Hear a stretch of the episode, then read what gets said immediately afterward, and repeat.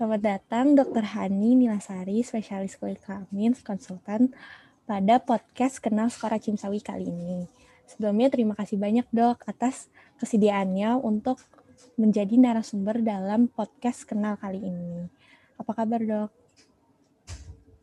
Terima kasih, salam kenal. Saya Dr. Hani Nilasari uh, dari kelompok staf medik FKUI RSCM, Dermatologi dan Venerologi siang ini kabar saya baik dan uh, senang sekali bisa berkontribusi untuk CIMSA. Baik dok, mungkin kita akan berbincang sedikit mengenai topik yang diangkat kenal kali ini yaitu terkait flor albus atau keputihan yang dikenal oleh masyarakat umum. Apakah dokter bisa menjelaskan sedikit terlebih dahulu mengenai keputihan itu sendiri? Ya, terima kasih Marsha. Topik kita pada siang hari ini adalah keputihan ya atau istilah yang kedokteran yang biasa dikenal adalah flor albus atau lekore ya. Kalau bahasa awamnya keputihan ya biasanya perempuan-perempuan yang mengeluhkan tentang hal ini. Kalau untuk bahasa medisnya sebetulnya disebutnya sebagai vaginal discharge atau dalam bahasa Indonesia kita sebut sebagai duh tubuh genital. Ya itu mengenai arti dari flor albus.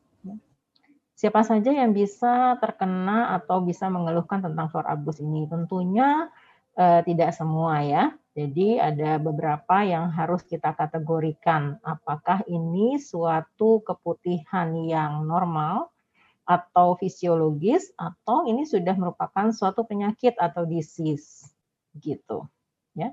Definisinya sendiri adalah suatu cairan yang keluar dari liang vagina yang bukan merupakan urin atau bukan merupakan darah. Jadi itu definisi yang umum digunakan pada saat kita bicara tentang keputihan atau flor albus. Baik dok, berarti tadi cairan yang keluar dari uh, ya dok.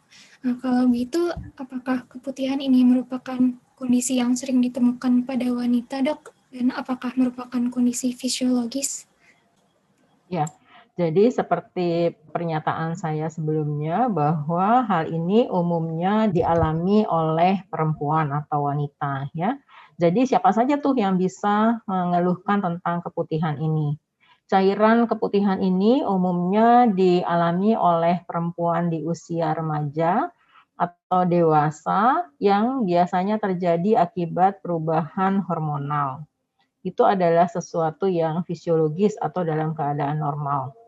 Kemudian eh, remaja-remaja yang premenstrual atau postmenstrual itu juga bisa mengalami kondisi ini.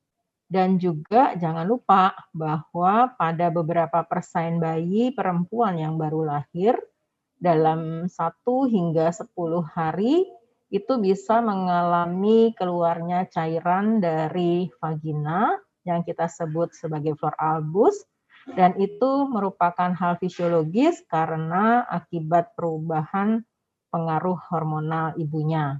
Kemudian juga hal fisiologis lainnya adalah pada remaja-remaja yang prapubertas. Biasanya usia 9 sampai 10 tahun biasanya anak-anak remaja itu sudah mulai mengeluhkan karena sudah terjadi perubahan hormonal menuju ke menstruasi. Mungkin cukup menjawab ya. Menjawab.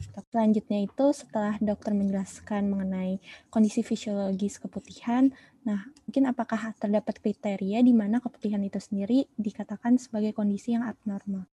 Kondisi abnormal untuk keputihan tadi eh, kalau fisiologis atau keadaan normal Umumnya keputihannya warnanya putih, bening, jumlahnya sedikit dan tidak berbau. Tetapi kalau misalnya sudah ada kondisi-kondisi di luar itu, misalnya jumlahnya cukup banyak, sehingga mengganggu keseharian dari perempuan yang mengalaminya, dan kemudian juga mungkin sudah ada perubahan warna, mulai dari warnanya keabuan, kemudian warnanya coklat, kehijauan, kuning, atau bahkan merah bercampur darah dan juga ada perubahan bau, itu artinya sudah patologis. Baik dok, um, kalau gitu setelah mengetahui mengenai keputihan yang fisiologis dan patologis, sebenarnya apa sih dok yang menyebabkan keputihan pada wanita uh, terlebih yang abnormal dok? Ya, untuk keputihan yang abnormal bisa disebabkan oleh berbagai uh, mikroorganisme ya, yang kita sebut sebagai bakteri, jamur, kemudian juga bahkan parasit dan juga virus ya. Pada perempuan biasanya daerah-daerah genital itu umumnya banyak sekali dikolonisasi oleh jamur atau juga dikolonisasi oleh bakteri-bakteri yang sebetulnya memang ada di situ ya sebagai mikrobiota yang normal. Tetapi apabila ada perubahan situasi dan kondisi di mana misalnya keasaman vaginanya menjadi berubah, mungkin bisa terjadi perubahan yang tadinya jamurnya hanya sedikit di daerah tersebut menjadi lebih banyak ya. Biasanya jamur yang terlibat adalah jamur kandida. Jadi sudah terjadi suatu kondisi peradangan yang kita sebut sebagai kandidosis misalnya. Kemudian juga ada flora normal atau mikrobiota yang harusnya memang ada di sekitar vagina. Tetapi karena perubahan situasi dan kondisi, kelembapan, dan keasaman vagina juga bisa menyebabkan suatu keadaan kondisi peradangan yang kita sebut sebagai vaginosis bakterial. Kemudian kalau misalnya terjadi infeksi, misalnya ada suatu mikroorganisme atau parasit dari luar yang masuk ke dalam vagina, misalnya ini adalah suatu trichomonas vaginalis, ini juga bisa menyebabkan keluhan keputihan yang sangat banyak dan mengganggu. Ya. Jadi kondisi-kondisi tersebut bisa menyebabkan situasi yang tidak benar atau tidak baik di lokasi vagina, terjadi peradangan yang akut dan bahkan peradangannya menjadi lebih berat dan kemudian menginfeksi bagian-bagian di sekitarnya itu juga bisa terjadi pada perempuan.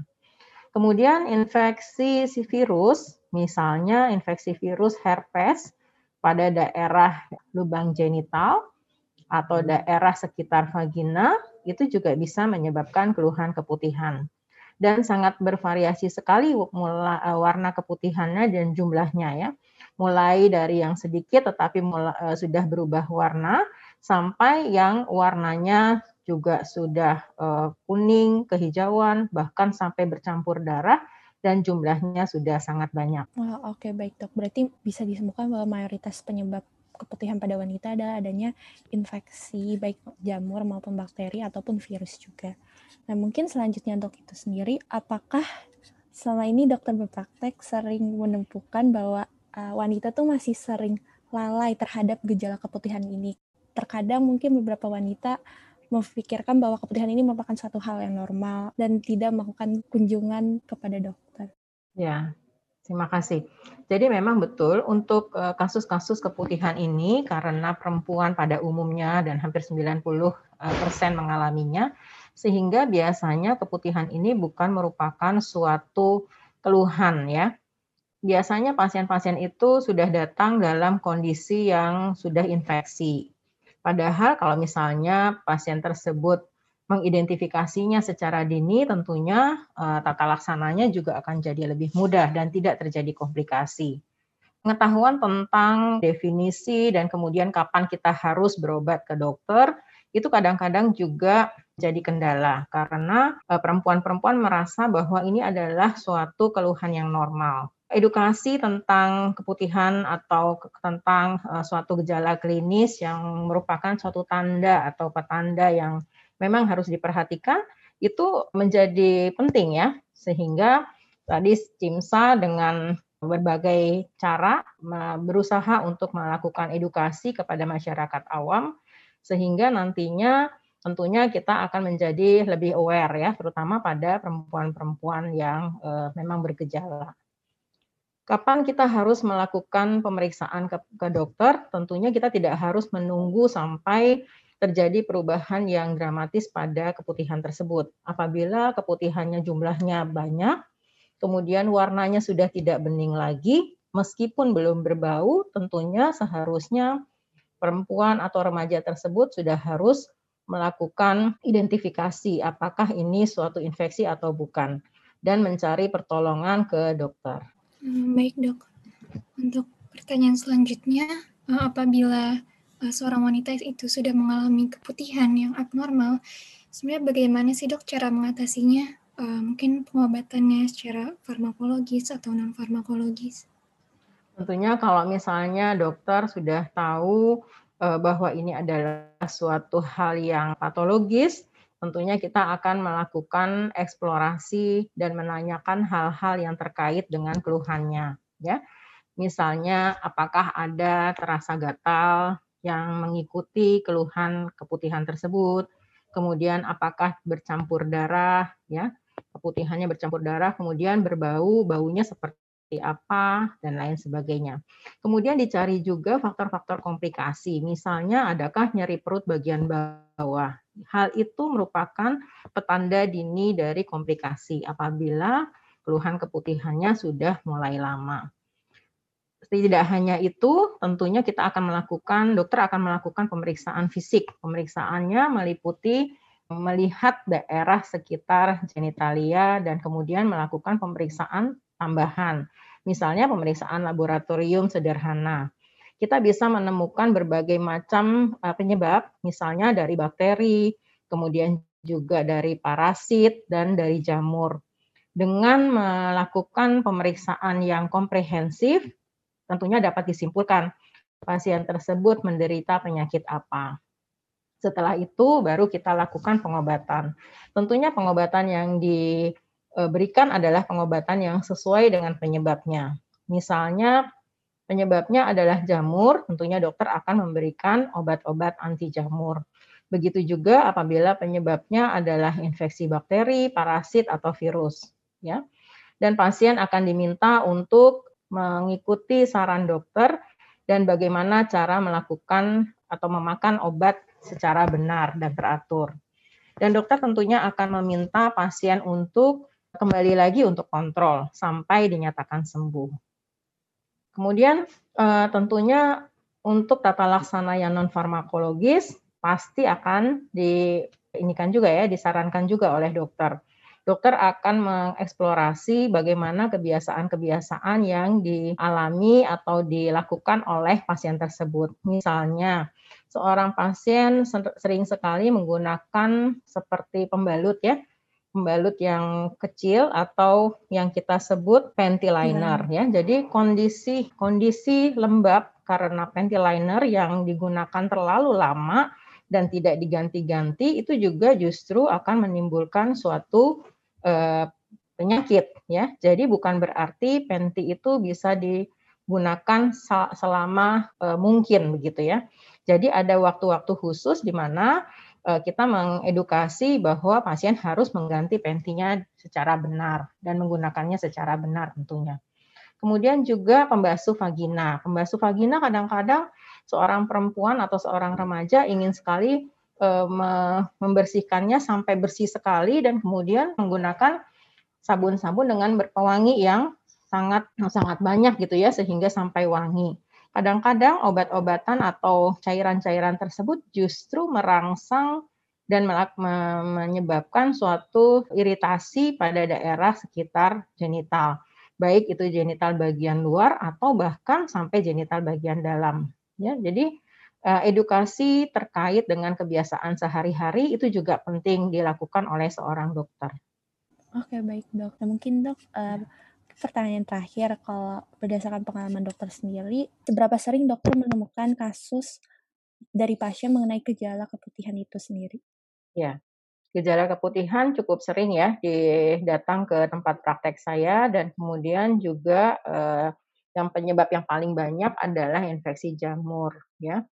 Eh, penyebab infeksi jamur ini tentunya harus ditata laksana secara baik ya karena kalau tidak ya tadi bisa menimbulkan suatu komplikasi. Dan uh, sering juga pasien-pasien ini tidak aware terhadap suatu infeksi menular seksual, yaitu infeksi yang disebabkan oleh tindakan pada saat melakukan hubungan seksual atau kontak seksual. Jadi bukan berarti gejala fluor albus atau gejala keputihan ini hanya disebabkan oleh bakteri-bakteri biasa atau jamur biasa yang biasanya ada di sekitar genital kita. Tetapi juga fluor albus ini bisa merupakan suatu penanda bahwa sudah terjadi suatu infeksi yang diakibatkan oleh kontak seksual yang dialami oleh pasien tersebut. Jadi, langkah lanjutnya adalah dokter pasti akan menanyakan kalau misalnya keluhannya adalah fluor albus yang warnanya kuning kehijauan atau serupa nanah, tentunya dokter akan menanyakan tentang adakah kontak seksual yang dilakukan oleh pasien tersebut. Di situ baru masuk bahwa uh, penyebab dari kelainan fluor albus ini bisa karena akibat hubungan seksual. Nah, baik dok, sebelum menutup uh, podcast ini, apakah dokter memiliki pesan atau saran gitu dok kepada masyarakat, terutama wanita uh, yang mengalami uh, gejala keputihan? Ya, untuk uh, apa teman-teman yang mengalami gejala keputihan atau fluor albus, saya meng anjurkan dan mengedukasi agar tidak melakukan pengobatan secara sendiri. Kadang-kadang keluhan yang sedikit ini dan akibat dari pengobatan yang tidak sesuai indikasi ini akan bisa menimbulkan suatu komplikasi yang sangat tidak diinginkan. Kita harus menjaga kesehatan reproduksi kita, apalagi sebagai seorang perempuan, tentunya sistem reproduksi menjadi modal utama pada saat kita dewasa dan kemudian kita akan siap menjalankan fungsi kita sebagai seorang ibu. Sehingga kesehatan reproduksi merupakan hal yang paling baik untuk diperhatikan dan dijaga kesehatannya tentunya. Oke, baik dok. Terima kasih banyak atas sharingnya mengenai fluor albus ini atau keputihan. Semoga ilmu yang dokter berikan bermanfaat untuk kita semua yang mendengarkan podcast kali. Terima kasih sekali lagi dan sampai jumpa di stage kenal berikutnya. Proyek ini disponsori oleh Berani Berencana. Berani Berencana merupakan sebuah platform edukasi untuk remaja yang membahas mengenai kesehatan reproduksi dan pentingnya kontrasepsi dengan visi untuk mencegah kehamilan yang tidak diinginkan dan penularan IMS dengan cara mengajak remaja untuk merencanakan masa depannya. Selain itu, Berani Berencana menyediakan layanan konsultasi online yang dapat dihubungi melalui WA, website, dan line official Berani Berencana. Untuk informasi lebih lanjut mengenai Berani Berencana, bisa langsung saja cek di Instagram @berani berencana.